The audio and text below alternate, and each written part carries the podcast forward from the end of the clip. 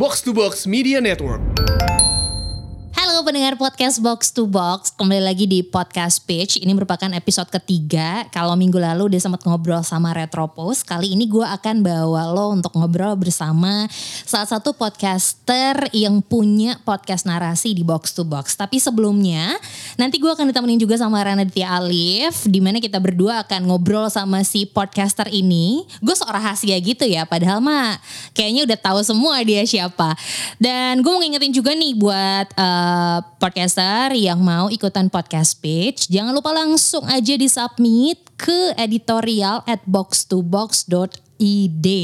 Podcast lo uh, best cut-nya selama 5 sampai 10 menit, kemudian uh, lo kasih kita presentasinya. Nah, hari ini boleh akan temenin lo selama beberapa menit ke depan. Kemudian uh, kalau yang sempet ketinggalan gimana sih uh, do and don'ts-nya untuk kirim podcast page lo bisa dengerin lagi di episode 1 kemudian uh, untuk uh, tips dari Retropus lo bisa denger di episode 2 kali ini gue udah kedatangan Dita Amelia Hai Dita Hai. Sepertinya suaranya masih mencari kesadaran kamu tuh ya. Hello Dita. Oh bener, hello Dita. Dit, Yuk. Kemarin kan gue udah sempat ngobrol nih, gue sama Rana sempat ngobrol sama Retropus gitu kan. Gimana sih pilih nama podcast yang bagus? Terus gimana sih eh, caranya bikin konten podcast supaya orang eh, bertahan untuk ngedengerin? Itu kan untuk podcast yang ngobrol ya. Kalau lo sendiri kan buatnya untuk podcast narasi itu lewat Hello Goodbye yang pertama kemarin bareng sama Box to Box ya. Awalnya gimana sih Dit? Kalau misalnya nih pendengar podcast uh, Box to Box ada yang mau masukin podcast pitch mereka sama kayak lo. Podcast narasi gitu. Ceritanya dari mana atau bikin cerita dulu atau ceritanya berapa lembar baru bisa dijadiin drama audio atau dibikin dialog atau gimana coba dari Dita? Bayar aja ke box to box nanti dapat slot. Terus nanti kita outsource ke Dita. Oh benar. Jadi kita mau muter-muter aja di situ. Iya iya iya iya. iya, iya. Kalau dari gue sih sebenarnya eh gue kan pertama kali juga ya bikin si podcast Narasi. drama ya Drama, narasi ini.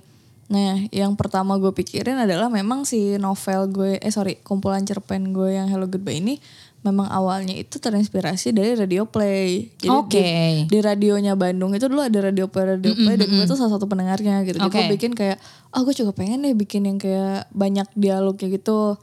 Nah, jadi kalau di gue sendiri eh, karena agak sulit untuk bikin cerita yang ada naratornya gitu. Emang kita beberapa kali nyobain yang ada naratornya ya. Tapi kayak jadi kurang pas gitu loh karena ada hal-hal yang cuma bisa diceritain lewat tulisan gitu. Sedangkan di podcast drama itu lo juga harus menciptakan ambience-nya. Ambience tuh suasana ceritanya Iya, gitu betul. kayak kayak lagi senang sedih atau dari lokasinya. kurang lebih sih kayak di lokasinya gitu loh Oke. mungkin dari eh, ada di stasiun lo ada di bandara lo ada di rumah lo Hmm. apa sih suasana-suasana yang menggambarkan bahwa lu sedang ada di situasi itu gitu secara suara sebagai pendukungnya ya Mm-mm, penting it- untuk itu. audio. sama juga dari dialog-dialognya gitu kalau gue sih tipsnya adalah lu bikin ceritanya jangan terlalu panjang gitu karena rata-rata orang tuh males dengerin cerita yang lama-lama gitu suka ke stop-stop gitu loh misal gue kayak harus dengerin eh, apa kalau gue nonton film gitu Hmm. kalau gue nonton yang di atas 20 menit pasti ada momen di mana gue nge-pause dulu, gue ngapain dulu, baru gue balik nonton lagi gitu. Nah itu juga menurut gue berlaku untuk si podcast yang narasi ini. Oke. Jadi kurang lebih gue bikin 10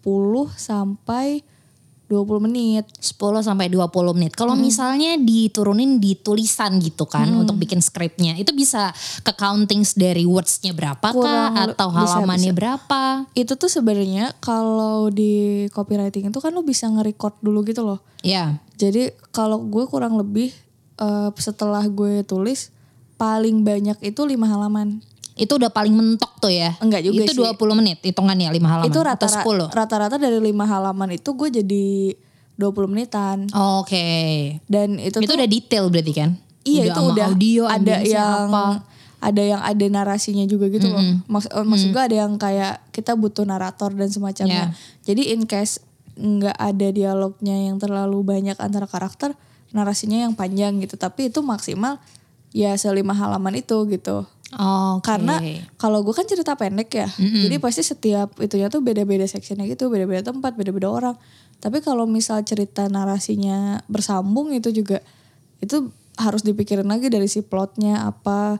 Kalau tips dari gue tuh pertama kalau emang lu mau bikin yang apa ya ceritanya bersambung gitu. Lu bener-bener udah har- harus tahu gitu loh episode dulu ada berapa. Misal episode dulu 12. Berarti lu harus bikin kurang lebih tiga section cerita gitu loh. Intronya, terus inti ceritanya, terus endingnya gimana nanti kayak gitu. Biar lu juga nggak keteteran dan bilang kayak aduh nggak ada ide buat lanjutin gitu loh. Hmm.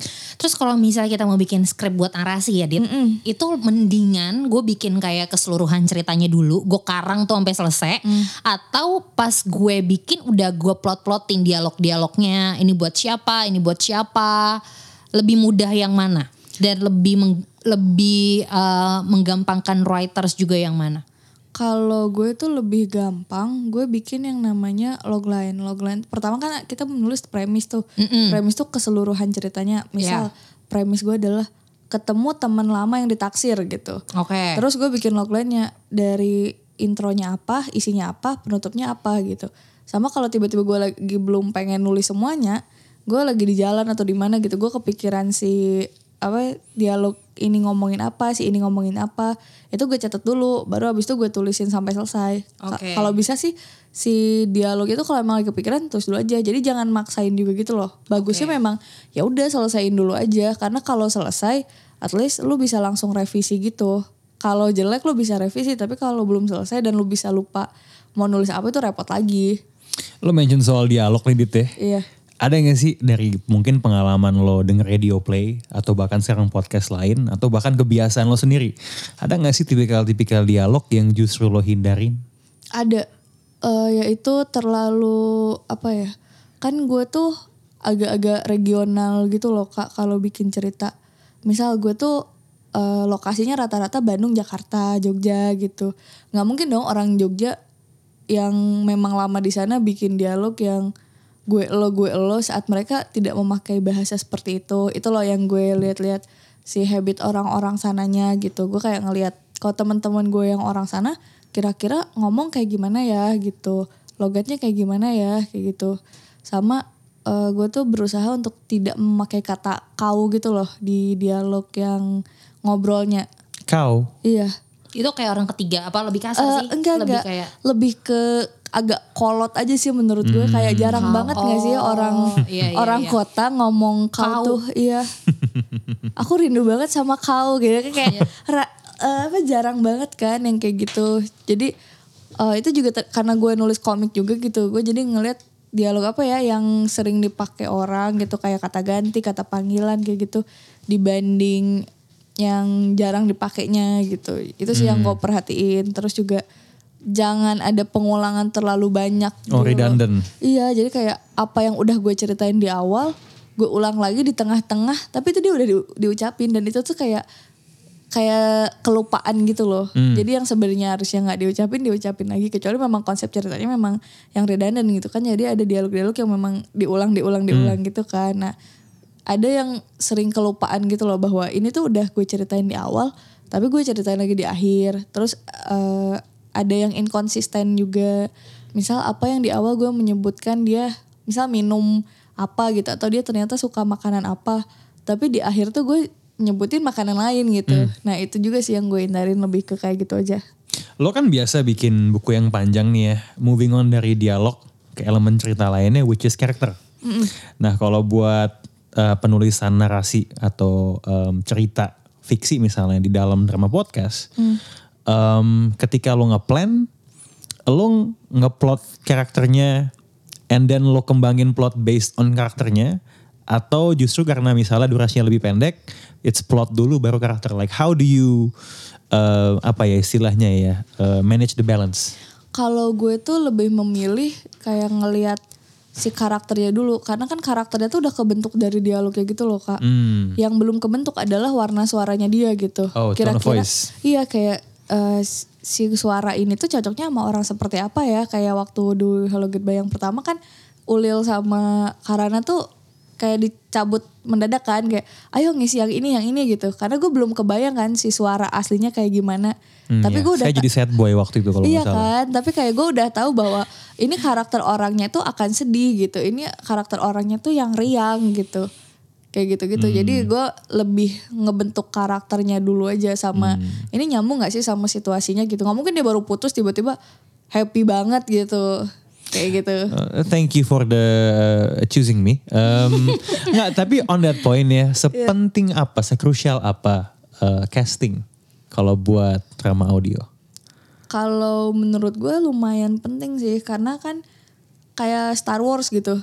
Kita tuh tidak akan melihat Han Solo ya dan look yang se apa ya memorable itu loh. Kayak mereka tuh living the character gitu. Yeah. Mereka tuh bukan bukan karakter itu ya, mereka adalah si karakter itu. Hmm, lo tahu ini gak sih, uh, by the way, saya segueing sedikit, Uh, Darth Vader, kenapa dia pakai suara orang yang bukan main jadi Darth Vadernya?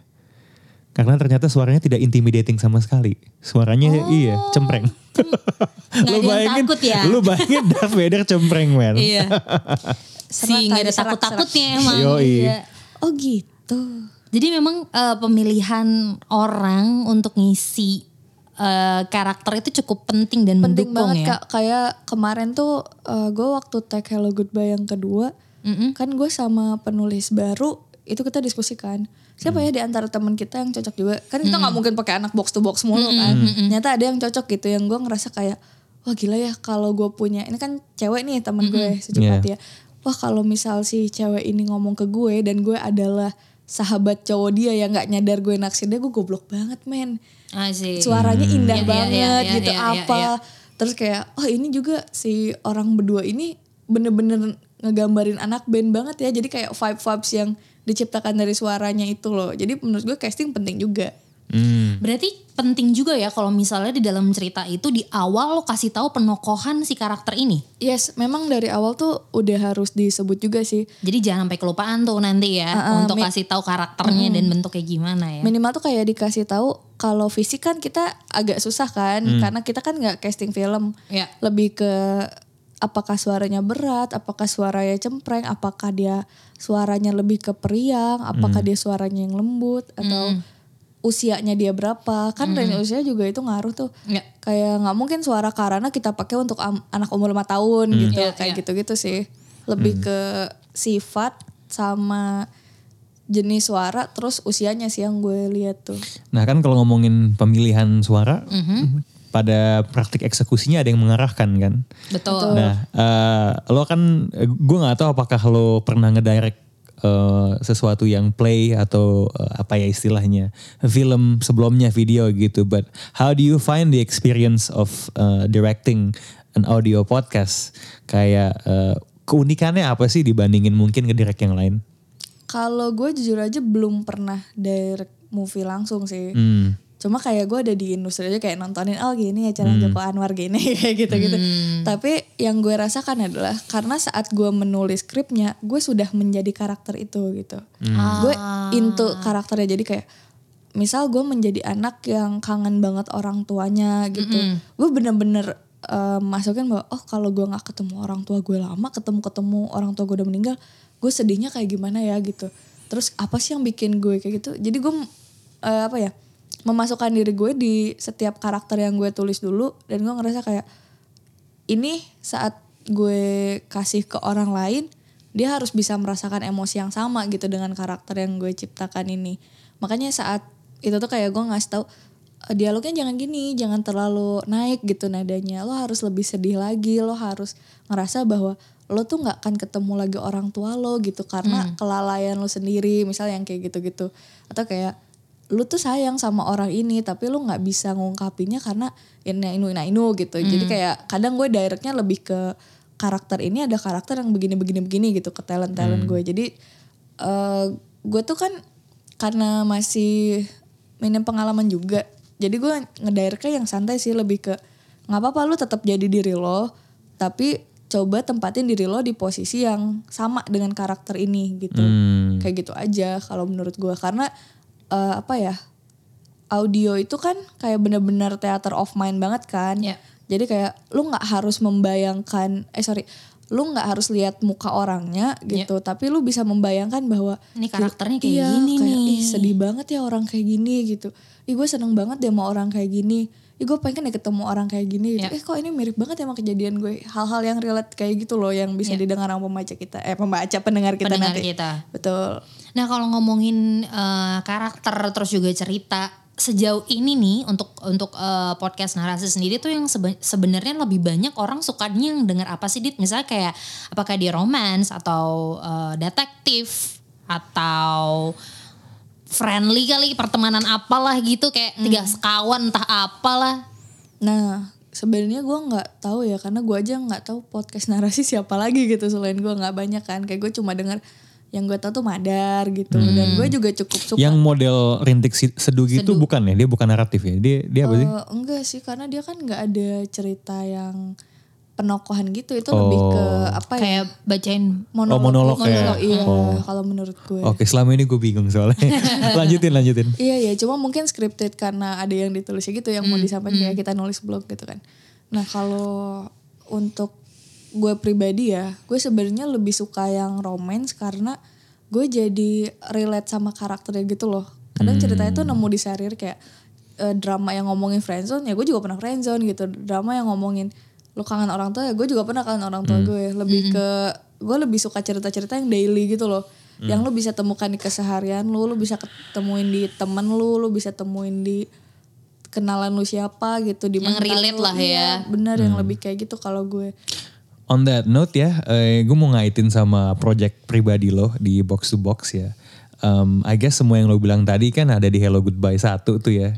Things yang daily life, relatable. Tapi gue cukup kaget sebagai audiens yang dengerin podcastnya ketika di Hello Goodbye 2. season 2. Season 2 tuh cerita yang pertama tuh ternyata I don't know if I'm going to spoiler territory here. Tapi sedikit berbeda gitu. Can you tell us? Kejutan ya. Yes, a little bit tentang season 2 Hello Goodbye itu mau dibawa ke mana? Nah jadi kan kalau season pertama itu gue ngangkat dari buku buku gue kan itu kan ceritanya udah ada semua Iya. itu gue bikin waktu gue SMA gitu makanya kenapa ceritanya mostly cinta-cintaan kayaknya gue sibuk bucin aja gitu Oke. gue belum punya kehidupan sosial yang lebih mature gitu kan Sang jadi nama bucin. Hey. Eh, masternya jadiin bucin ya. Iya. Oke, season 2. Iya terus abis itu eh, gue jujur udah mulai agak kehabisan ide gitu loh. Takutnya adalah akan ada cerita yang repetisi gitu. Oke. Jadi dulu gue bikin cerita soal sahabat, gue akan bikin cerita soal sahabat lagi gitu. Takutnya bias ya. Iya, dan itu kan yang nulis gue lagi ya. Jadi kayak mungkin akan ada dialog yang sama, mungkin akan ada bentuk karakter yang sama gitu. Mungkin kayak nanti akan jadi bosenin gitu. Akhirnya gue ngajak temen gue si Maulana Fadila. Maul ini temen gue dari lama kan, dia tuh copywriter juga dan gue tuh sempet diajarin nulis juga kan sama dia. Nah pas dari itu tuh gue kerasa kayak, yuk lu bikin tulisan sama gue, lu bikin setengahnya gue bikin setengahnya gitu. Terus eh, dia tuh nanya kan, emang konsep gedenya Hello Goodbye itu apa? Sebenarnya konsep gede Hello Goodbye itu sederhana banget, lo cuma ngomongin perpisahan dan pertemuan dan nggak harus terus sama manusia gitu. Lo bisa sama tempat, lo bisa sama rumah lo, lo bisa sama apa pun yang lo suka gitu. Misal kayak Majapahit gitu lo. Terus eh, abis itu dia kayak oh oke oke gue akan bikin gitu.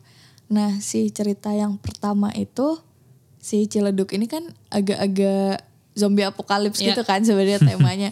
Yang gue tuh ngerasa kayak karena kita semua lagi di pandemi membaca eh, mendengar itu tuh gue agak sedikit relate gitu gila ya gimana kalau beneran kita terjebak di situasi pandemi ini. Karena kan itu bikin tuh pas kita semua karantina. Jadi kayak gue nggak bisa ke mana-mana. Terus juga di luar tuh ada virus. Kayak lu bener-bener cuma nunggu apa gitu. Terus abis itu akhirnya lu harus pamit sama semua hal yang lu sukain di situ. Kayak gitu loh. Jadi sebenarnya temanya masih sama. Yang beda itu adalah kita mulai menceritakan dari sudut-sudut lain gitu Angle-nya yang berbeda. betul jadi kayak what if gitu Ter- Berarti sebenarnya kalau Hello Goodbye itu genre-nya tuh bisa banyak banget ya. iya betul karena lewat banyak cerita dan angle yang lo ambil tadi ya. Uh-uh. Terus selama kesu- kesulitan lo apa aja sih Dit? Dari awal kan mungkin di di season 1 lo agak lebih nyaman gitu karena relate dengan percintaan gitu. Kayak semua orang pasti merasakan percintaan gitu. Season 2 lo mulai mengembangkan sayap untuk ambil angle-angle lain. Apa tuh? Kalau menurut gue yang susah tuh eh, karena apa ya? Kalau menurut gue yang bikin susah tuh kan kita semua lagi di pandemi ya dan sekarang Iya. juga masih. Nah gue tuh kesulitan untuk bawa talent-talent gue ke studio karena gue nggak mau eh, talent gue rekaman dari rumah sebenarnya. Oke. Nanti kan audionya tuh mungkin nggak bagus apa gitu saat dieditnya. Ya, Kalau jadi- untuk ide cerita dan semacamnya sih sejauh ini belum ada masalah. Dan apa ya mungkin orang-orang juga sekarang lagi agak lupa gitu bahwa gue udah rilis gitu. Jadi belum banyak yang denger lagi. Sejauh ini sih kalau secara proses kreatifnya nggak banyak yang susah. Ya paling kayak kejar-kejaran timeline aja gitu. Lagi pandemi terus ribet gitu banyak yang dikerjain. Kalau dari sisi, eh, kalau berarti kan dari sisi penulisan tadi aman-aman aja ya. Terus juga dari kualitas audio lo, emang maunya langsung ke studio aja supaya suaranya jernih. Kalau dari pemilihan ambience-nya sendiri atau mungkin edit-editannya kan nggak tahu tuh ya. Maksudnya tadi kita ngebahas soal gimana buat ceritanya gimana bikin karakter tokohnya. Salah satu yang paling penting kan adalah editing audio gitu kan. Iya. di mana kayak orang yang dengerin lo punya theater of mind untuk ngerasain gue ada di tempat yang semenakutkan ini itu gimana tuh? Audio kan cukup krusial berarti di narasi ini. Betul tapi sebenarnya bukan kapasitas gue juga sih untuk ngomongin audio. Karena yang ngedit kan CJ ya. Jadi sebenarnya dia yang lebih ngerti tapi kalau gue sama Maul sendiri sih lebih ke guiding aja bahwa Oh, oke. nanti di scene yang ini akan ada ambience ini ini yang pasti jadi kita lebih detailing aja ngebantu bantunya gitu karena kan ya kita nggak ada di proses Iya, iya. editingnya gitu jadi at least lo kasih guideline untuk audionya eh ambience dan audionya gue Iya. maunya kayak gini nih gitu ya Iya. Kalau bagusnya sih bisa ngasih referensi Iya. gitu, tapi kalau enggak juga minimal ditandain gitu loh. Pas menit eh, sorry, pas bagian dialog ini akan ada suara misal mobil lewat gitu. Iya. Pas ini akan ada suara ledakan gitu yang kayak gitu-gitu. Dan itu juga kayaknya masih detail ya Dit ya. Misalnya kayak mobil lewat, misalnya mobil sedan sama mobil eh, minibus kan beda tuh bunyinya. Berarti Angkot juga beda ya. Iya. Belum lagi di Bogor ya Ran. Hmm, betul, betul. Ada remixan. Berarti emang eh, buat pendengar podcast yang emang lo saat ini lagi mempersiapkan podcast narasi lo untuk masuk ke podcast pitch. Detailing audio pun emang harus lengkap tuh. Iya, justru itu ledakan pentingnya. petasan sama ledakan bom kan masih beda ya. Iya iya iya. And iya. on that point ya, gue gak tahu apakah ini jatuh ke ranah lo, since lo tadi udah mention engineer-nya. Tapi menurut lo untuk bikin podcast narasi yang bagus ya, untuk punya audio yang bagus, mutlak gak sih lo punya sound effect yang mungkin harganya mahal atau musik yang mahal gitu? Atau sebenarnya itu jeli-jelian aja? Mahal tuh maksudnya berbayar atau? Berbayar. Iya, Oh, jadi lo iya. kayak beli efek gitu. Iya, iya, iya, beli SFX. Iya iya. Kalau menurut gue mahal tuh eh, relatif ya, karena gue kan nggak pernah beli audio. Cuman Iya bener. Iya.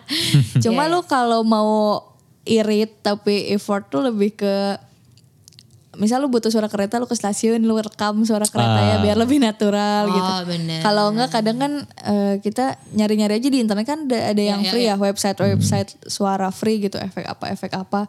Nah dari situ juga apa-apa menurut gua. Butuh effort. Betul. Iya tapi ya kadang kalau lo sesimpel lo lagi misalnya eh, nge, nge apa tuh kertas tuh ngeremuk-remuk ya ngeremuk Gresek. gresek-gresek kertas kan kayaknya sound effect-nya nggak ada yang oke nih ya udah buat sendiri aja gitu kan Iya iya. Nah mal- Ah, malah ada iya, iya, itu iya. kalau gue tuh sempat lihat scoring film apa mereka tuh pakai alat-alat rumah gitu loh kayak pasir digitu-gitu untuk Iya, suara iya, apa iya. gitu digitu-gitu. buka pintu Iya. buka pintu beneran Eh, gitu ya Mukulin panci itu bunyinya untuk jadi apa? Banyak solusi domestik ya. bener Iya, iya. kalau mau effort Iya, tapi kalau enggak sih ya udah cari-cari aja Iya. suara di internet kan banyak yang emang free dan legal untuk digunakan gitu yang zero copyright. Ya. Gue sebenarnya dari lo ngomongin soal hal yang sangat teknis eksekusi, I wanna take it back to the creative process itself gitu ya. Gue ngerasa eh, pastinya semua orang tidak tidak eh, kebal dari kreatif block gitu kan. Bahkan mungkin Iya. lo pun tadi bilang oke takut ide yang sama-sama lagi gitu. Hmm. Mungkin buat temen-temen yang aduh gue pingin nih bikin podcast eh, audio drama atau naratif yang mungkin lagi stuck gitu. Lo ada advice atau stimulus bagi mereka atau enggak? Kalau menurut gue gini, kalau lu stuck berarti lu capek gitu. Gue selalu mikirnya gitu saat gue stuck, gue art block atau gue writer block, itu berarti gue capek gitu. Saat gue nggak mau ngerjain tuh, gue jangan ngerjain itu, tapi gue nyari reference lain gitu loh.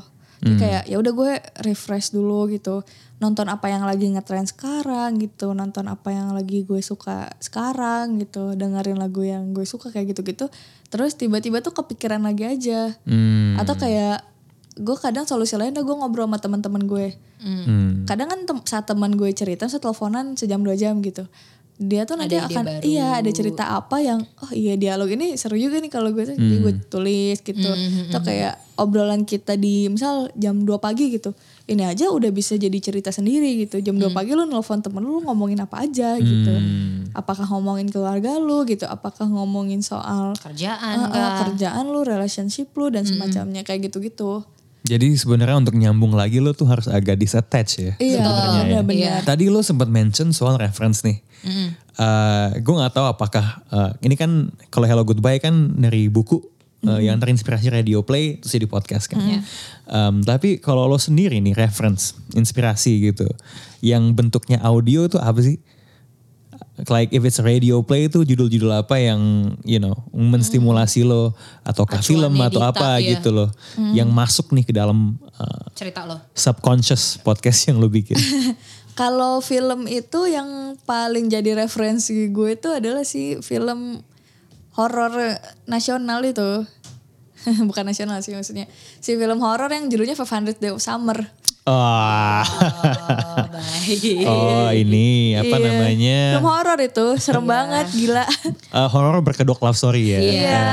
kan dari awal udah dibilang this is not a love story. Betul. Anyway, ini maksud gue itu tuh sering gue tonton lagi referensinya karena masukin lagu pas mana sih terus kayak kok bisa sih lu kenalan sama cewek just because lu dengerin lagu ini gitu terus kayak lu bisa bercandaan di IK kayak gitu tuh gimana gitu jadi reference gue tuh seringnya dari si film itu maksudnya dari satu film aja gue udah bisa kebawa dialognya ke mana-mana gitu tempatnya di mana-mana gitu terus Tempatnya kebayang ya. Lo kalau dapet referensi tuh agak lo dikonstruksi ya. Lo lo lihat kenapa kenapanya gitu-gitu ya. Iya, kalau udah di industri dan kerjaan lu kayak gitu, lu mau nggak mau tuh lu breakdown sendiri pas nonton gitu. Lu, dan itu sebenarnya kayak kutukan gitu loh, lu jadi nggak bisa enjoy the movie like it, it's a movie gitu. Karena ada kerjaan lain yang harus lo breakdown di Iya ya. kayak gue tuh lagi nonton Star Wars yang terakhir gue nggak bisa enjoy karena yang gue pikirin adalah oh scoring lagu di sini nih enak banget oh pas adegan ini kenapa sini sebelah sini kameranya muter di mana ya ini ya Jadi jadi jelek tuh filmnya. Iya. lanjut lanjut lanjut. itu film soal Disney Princess ben, Iya, betul, ben, betul. Ben Solo Iya. Terus apa lagi selain tadi 500 Days? Eh, terus apa lagi ya? Aduh gue agak lupa lupa judul tuh tapi salah satunya itu gitu. Jadi gue ngerasa kayak eh, hubungan antara manusia tuh meskipun cuma dua orang tuh lu bisa breakdown sebanyak itu loh gitu. Itu loh yang gue ambil. Kalau untuk radio play tuh gue lupa judulnya apa gitu. Dulu tuh ada setiap malam minggu di Ardan Radio gitu. Sama di malam Jumat tuh ada Nightmare Side gitu. Itu kan horor cuma karena cerita gue nggak horor jadi gue ngerjain yang si satu lagi gitu. Jadi Oke. kayak ya dari mulai tadinya tuh gue mikirnya gini apakah setiap radio play itu cuma tentang dua orang ngomong-ngomong-ngomong-ngomong terus backgroundnya tuh lagu sedih atau lagu seneng kayak gitu? Ternyata enggak gitu jadi lu bisa menciptakan theater of mind lu itu gitu kayak dengan waktu itu tuh episode yang mana di Hello Goodbye pertama itu kita nggak pakai BGM sama sekali Hmm. cuma efek dia banting pintu di awal terus dia lempar handphonenya sisanya tuh dia ngomong-ngomong sendiri dan itu intens banget kayak bener-bener lu patah hati lu sedih gitu kayak gitu-gitu jadi nggak selalu harus ada semua efeknya itu kayak kalau lu di rumah lu bengong sendiri ya kagak pakai lagu kagak Sunyi pakai aja iya. gitu ya. jadi intens antara karakternya aja gitu sama apa yang dia sampaikan gitu Hmm. Lalu kita berangkat ke artwork nih Dit. Kan tadi lo udah cerita dari gambaran cerita lo mau kayak gimana. Gimana pengaruhnya ke artwork sendiri? Kalau artwork itu menurut gue kan dia kan cover ya, Hmm. jadi lebih ke mewakili si karakter-karakter yang ada gitu kalau gue, karena gue kan anaknya nggak surrealis gitu loh yang kayak diwakilkan oleh icon-icon tertentu gitu. Gue cerita tentang apa ya gue tulis, eh gue gambar aja itu. di situ. heeh. Cuma waktu season 1 itu gue minta tolong temen gue kan si Bilal gitu. Jadi artworknya bagus-bagus tuh. Jadi ada yang dia lagi di kafe, ada yang dia lagi di rumahnya sendiri, ada yang dalam bis dan semacamnya. Itu cuma buat mewakili bahwa oh lokasi-lokasinya di sini gitu. Oh karakternya perempuan, oh karakternya laki-laki, oh karakternya perempuan dan laki-laki kayak gitu-gitu aja. Gue boleh banting setir dikit nggak nih? Dari tadi kan kita nanyain Dita nih untuk selalu soal narasi sama Hello Goodbye. Sebenarnya dia punya satu lagi podcast. Betul. Namanya- Dengan Dengan sahabat kita juga. Dengan Iya. Em, lo punya satu lagi podcast namanya PDA. video. Iya. Eh, cuman eh, podcast Dita Andre. cuman si Andre-nya lagi ya Desian lah gitu sekarang. ya. Dinas. Nah itu kan Dinas. dia kan itu kan it's a different animal ya Yes. dengan Yeah. Hello Goodbye gitu. Um, gue nggak tahu lu mendeskripsikannya sebagai apa tapi um, what is the biggest difference in making that lah co- compared dari segi proses Yeah. compared to Hello Goodbye gitu. Kayak pre-pro lo kalau PDA itu gimana? Kalau PDA tuh kan no script at all gitu loh. Oh bener-bener there's no nothing no notes. nggak ada bahkan highlighter gitu juga nggak ada Oh, Oke. jadi bener-bener gue cuma eh, nyebutin kita nanti temanya akan ini ini ini ini misal episode pertama adalah soal kenalan gue cuma akan bahas eh apa ya gimana kenalan pas di zaman apa-apa-apa gitu. Hmm. terus abis itu episode 2 ngomongin apa dan semacam-semacamnya. Jadi Cuman memang talking orga- points iya, doang ya? organik. Karena kalau gue banyak yang scripted ada banyak ekspresi yang kayak nggak natural gitu loh. Misal kayak gimana sih Andre kaget bahwa gue ternyata dulu gimana gitu. Atau gue Ya. kaget ternyata dia bodoh gitu kayak. Banyak ekspresi-ekspresi yang bisa muncul pas di podcastnya itu. Yang jujur ya. Oh I see. Um, so how do you keep the conversation going in that podcast? kalau gue tuh gini karena memang eh, kita pacarannya nggak yang apa ya nggak semua di spill di awal gitu loh Oh, jadi emang beneran Jadi itu proses kenalan kenalannya pas pacaran. Enggak, itu berarti podcastnya memang proses PDA itu Oh, beneran, literal. Bener. Orga- Organik dalam arti sesungguhnya ini kalau Iya. gitu ya. Iya iya iya. Jadi kayak ternyata ada memori-memori yang nggak kita share dari pas pacaran, kita share di podcast. PDA. Iya gitu kayak, oh ya dulu pernah ada kejadian ini gitu karena misal gue ngomongin PDKT gitu. Iya gue pernah tuh PDKT sama orang kayak gini. Oh gue juga pernah sama orang kayak gini. Oh emang kenapa lu bisa sampai kayak gitu gitu. Hal yang kita emang jarang ceritain. Maksud gue, eh, gue tuh respect banget privacy kan. Ya. Kal- Kalau dia mau sharing ya sharing. Kalau nggak cerita ya nggak apa-apa gitu. Iya gitu maksud gue. Nah terus si PDA ini mungkin yang bedainnya adalah karena gue komunikasi sebagai diri gue sendiri gitu. I see. Jadi kayak ya udah gue mewakili diri gue sendiri gitu apa yang gue alami apa yang gue lakuin. Iya ceritanya Dita Ah, gitu tapi ya. kalau di Hello Goodbye kan bedanya adalah gue menjadi orang lain gitu. Gue Ya. bisa tiba-tiba jadi pilot, gue bisa tiba-tiba jadi guru SD yang kayak gitu-gitu. Mungkin gini kali ya, just to close this thing off ya. Um, lo punya PDA, lo punya Hello Goodbye. Kita sedang mengadakan sebuah quote unquote kompetisi podcast Yes. ya. Um, jurinya sih udah ada apa Line namanya up-nya. Pange, Bung Rin sama Popo, Mr. Popo, Mr. Popo. gitu kan. Tapi let's say nih lo jadi jurinya ya. Yang lo cari tuh Yang podcast apa? kayak apa? Kalau menurut gue, gue sih sangat suka podcast yang saat gue denger audionya tuh nggak banyak geresak gerusuk. Oke, teknis dulu nih. Iya, pertama itu gue pernah eh, dengerin podcast temen gue. Gue seneng banget nih sama si orang ini. Tapi pas gue denger podcastnya, ya jadi banyak ada bunyi-bunyi gresek-gresek noise-nya Oke. gitu. Jadi Artikulasi juga kali ya. Iya. Cara ngomongnya juga kali ya. iya, jadi kayak jadi nggak enak gitu loh. Oke. Audio berarti poin yang paling penting. Penting, Betul jangan karena pernah kita remehkan. kan Iya. komunikasinya audio gitu. Iya. Ya. Kayak kita baca buku terus tulisan bukunya aja udah nggak bikin betah Iya. baca. Kayak gitu. tulisan dokter gitu ya. Iya. Lo beli Harry Potter gitu lo buka. hah? Iya. Atau kayak pakai tinta printer yang udah mau habis. Abu-abu, abu-abu, Garis-garis. menghilang garis-garis. Iya kan, jadi semakin jelas audionya menurut gue semakin baik gitu. Iya. Jadi Iya. terus abis itu apa pesan yang disampaikan gitu. Kalau untuk narasi eh, dia menceritakan apa Iya. gitu. Kalau dia monolog dia menceritakan apa. Kalau dia podcast ngobrol dia tuh sebenarnya maksudnya apa gitu. Kadang gue ngerasa bahwa ada beberapa podcast ngobrol baru itu Ya. kebanyakan kenalannya gitu. Oh. Tapi bahasannya tuh nggak nggak banyak gitu loh. Eh, Kayak nggak sampai deep gitu Iya. ya. di luar Kebanyakan aja. kenalan tuh gimana? Gue Iya, gue tuh pernah denger podcast orang udah audionya kurang oke. Terus selama 15-20 menit pertama tuh cuma nyeritain mereka kenalan temenannya kayak gimana. Padahal, Ah. padahal kelamaan ya. Iya, Poin itu tuh kelamaan. Intronya kepanjangan. Iya. iya, padahal menurut gue eh, bisa lu- lebih singkat lagi ya iya, aturan. kayak lu tuh di sini memang boleh banget gitu mengenalkan lu, tapi kalau kelamaan sedangkan lu tuh menyimpan judul lain di Iya. podcast lu kayak podcast lu misal mau nyeritain soal apa gitu, Hmm. misal insecurity, tapi lu sendiri intronya banyak banget gitu. Jadi Iya, kayak iya. jadi bahasan insecurity lu di mana nih gitu. 70% kenalan, 30% Isinya. insecurity. Iya. iya kayak gitu misal gitu. Jadi Ya. menurut gue eh, kenalan boleh gitu kayak lu mungkin bisa bilang lu siapa gitu, sosmed lu apa, terus juga Perbanyak isi berarti iya, ya. Iya, jadi jangan yang terlalu gimana-gimana gitu. Iya, get to the point lah gitu ya. Iya.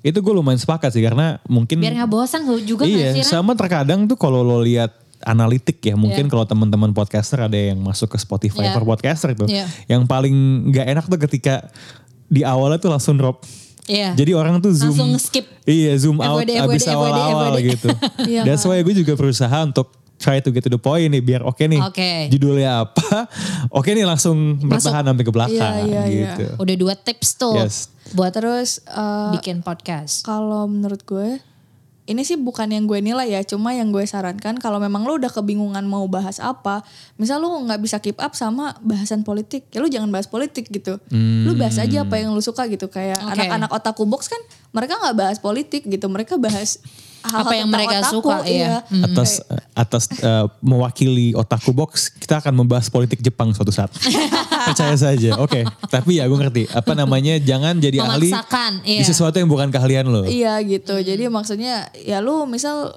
keahlian lu di mana gitu. Misal ah, keahlian gue adalah pacaran gitu. Ya udah gue bikin PDA aja gitu. lo nggak bikin podcast anak senja Iya, edgy gitu enggak ya Enggak high culture gitu gue enggak udah udah nggak ada di apa ya di masa itu. itu. Iya, kalau gue masih SMA dan gue melihat tulisan Hello Goodbye gue, gue tuh masih kayak gitu Ah, gitu. sih. Tapi sekarang kayak gue udah nggak bisa di situasi itu karena Hmm.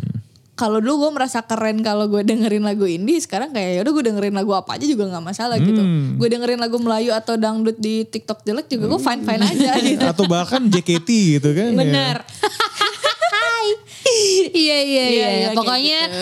bahas apa yang lo suka. Iya bahas apa berangkat dari apa yang lo suka dulu nanti lo bisa tenggelam lagi lebih banyak gitu loh. Karena lo pasti belajar juga saat lo bikin podcast tuh lo belajar juga kayak gue jadi belajar. Lo kulik-kulik lagi Iya, apa yang gua- orang belum tahu gitu ya. kayak gue ngerjain Hello Goodbye tuh gue kan nggak pernah directing sama sekali kan. Iya. gue jadi belajar directing gitu. Terus gue jadi belajar kalau oh nulis naskah tuh kayak gini ya. Oh kalau lo ngedirect orang seperti ini ya. Kalau lo casting orang kayak gini ya kayak gitu gitu loh. Jadi pasti Oke. ada pelajaran yang lo ambil juga. Pas gue ngerjain PDA juga oh kalau lo bikin podcast ngobrol ini ada poin-poin yang harus lo Selipin. utamakan iya. gitu. Misal biar si retentionnya tidak turun kayak tadi Karana bilang. Jadi kita jangan banyak ngobrol intro bla bla blanya dulu, Iya. langsung aja ke intinya. Jadi kayak lu ngomongin apa dulu. Karena kan sempat si PDA tuh gue coba bikin yang ada dramanya. Iya. Ternyata itu retentionnya turun. Oh berarti kita nggak oke nih dengan Orang nggak konsep suka kayak gini. tuh yang kayak gitu Iya. ya. padahal gue suka loh bagian drama di awalnya Rana berarti sepersekian persennya tuh. Iya. saya audiens yang kurang signifikan minoritas saya. Minoritas. iya itu apa ya gue kira kan akan jadi lucu karena menunjukkan bakat acting gue yang terpendam. Oke. Ternyata tidak Tidak juga. tidak tidak membantu. Iya, tidak terlalu membantu gitu. Jadi ya udah, ternyata orang lebih suka langsung ke inti bahasannya. Jadi kita ya udah kita kata yang itu dan apa. Jadi kayak lu belajar juga di situ kan, kayak gitu-gitu aja kalau dari gue. Menurut gue di situ juga terselip sesuatu yang mungkin agak basic tapi penting men. Lo bener-bener harus memperhatikan analitik podcast lo sih. Oh, mau nggak mau kan? Iya dan lo you make tweaks based on that. I think that's important. Itu rumusnya ya. Tauin Pastinya. dulu tuh. Pastinya. Ada lagi Dit? Eh, ini terakhir sih kalau menurut gue saat lu bikin podcast ngobrol jangan kebanyakan BGM. Maksudnya lu nyetel lagu di belakangnya gitu. Oh. Karena lu jadi nggak fokus gitu loh antara Ran kita kayak udah tua deh. Gue kira BGM tuh bagaimana. ternyata background musik. Oh seperti EDM ternyata ya. kita mulai hilang gitu dia menyebut istilah baru terus kayak ah, gimana? Oh, ya ya ya ya baik baik. Iya, maksudnya gue pernah dengerin podcast yang podcast ngobrol terus Iya. ada bikin. Karena gue dulu pertama bikin podcast juga gue kayak gitu. Jadi diselipin lagu lo-fi gitu di belakang. Hmm. Tapi udah audionya nggak bagus. Terus ditambah lagu. Jadi ganggu ya. orang nggak bisa denger gitu. Ini dua manusia ngomongin apa gitu. Jadi better di take out aja. Lu kalau mau masukin lagu di intro outro aja gitu. Ya. Dan itu jadi kayak jingle lu gitu. Itu aja sih kalau dari gue. Oke. Oke tuh. Solusi yang cukup untuk praktis. iya benar-benar benar. Maksudnya mungkin mungkin banyak yang nggak kebayang perlu nggak ya kita masukin back sound gitu Ah. kan? Diganggu nggak ya? Ya kalau memang lo perlu masukin ya seperlunya aja gitu. Iya. Tapi ya Ran, eh, gue cukup eh, senang sih ngelihat udah banyak banget ternyata yang masuk ke email editorial at Iya, box to siap- box siap lembur ID. nanti periksanya. Asli. Sudah pasti itu. Sudah pasti lembur. Kita sediakan imbus dan ya, Bener. lain-lain. Eh, imbus, UC gitu ya. Tolak angin. Tolak angin. Iya, iya, iya. Koyo gitu. Betul. nempel. Apalagi Minyak kutus-kutus. Wah bener. Taruh di kaki ya. Iya, biar enak gak banget. masuk angin.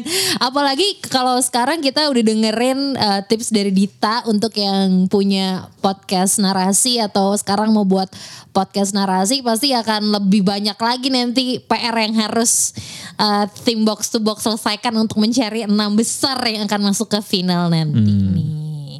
So Dita terima kasih banyak loh untuk bisa ngobrol di uh, box to box podcast page. Semoga nih pendengar box to box yang sekarang ini sedang menyiapkan bisa langsung uh, mengkoreksi mungkin kayak ka- kalau udah ada yang jadi gitu ya Ran bisa kayak oh bener juga nih kayaknya bagian ini harus gue take out nih biar Yes. jadi 5 sampai 10 menit apalagi mungkin kalau misalnya kita ngomong podcast yang ngobrol 5 sampai 10 menit gampang lah ya.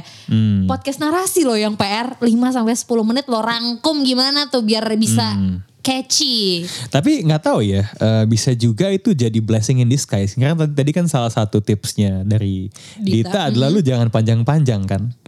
So dan kita kan hanya Bisa minta sampel. Iya, nah, em, tapi to be honest, gue kita kan belum ngecek satu persatu banget Iya. nih kayak semuanya belum Iya. kita lihat gitu. Cuman we are looking forward Iya. untuk eh, ada podcast narasi atau audio drama or whatever you wanna call it yang bisa memberikan warna Baru yang belum ya. ada di box to box. Apakah solusinya eh, mengikuti tips-tips dari Dita? Ya. You can try. Eh, mungkin akan membuat podcast lo lebih baik, but we'll see apakah akan lolos jadi enam besar di box to box podcast pitch.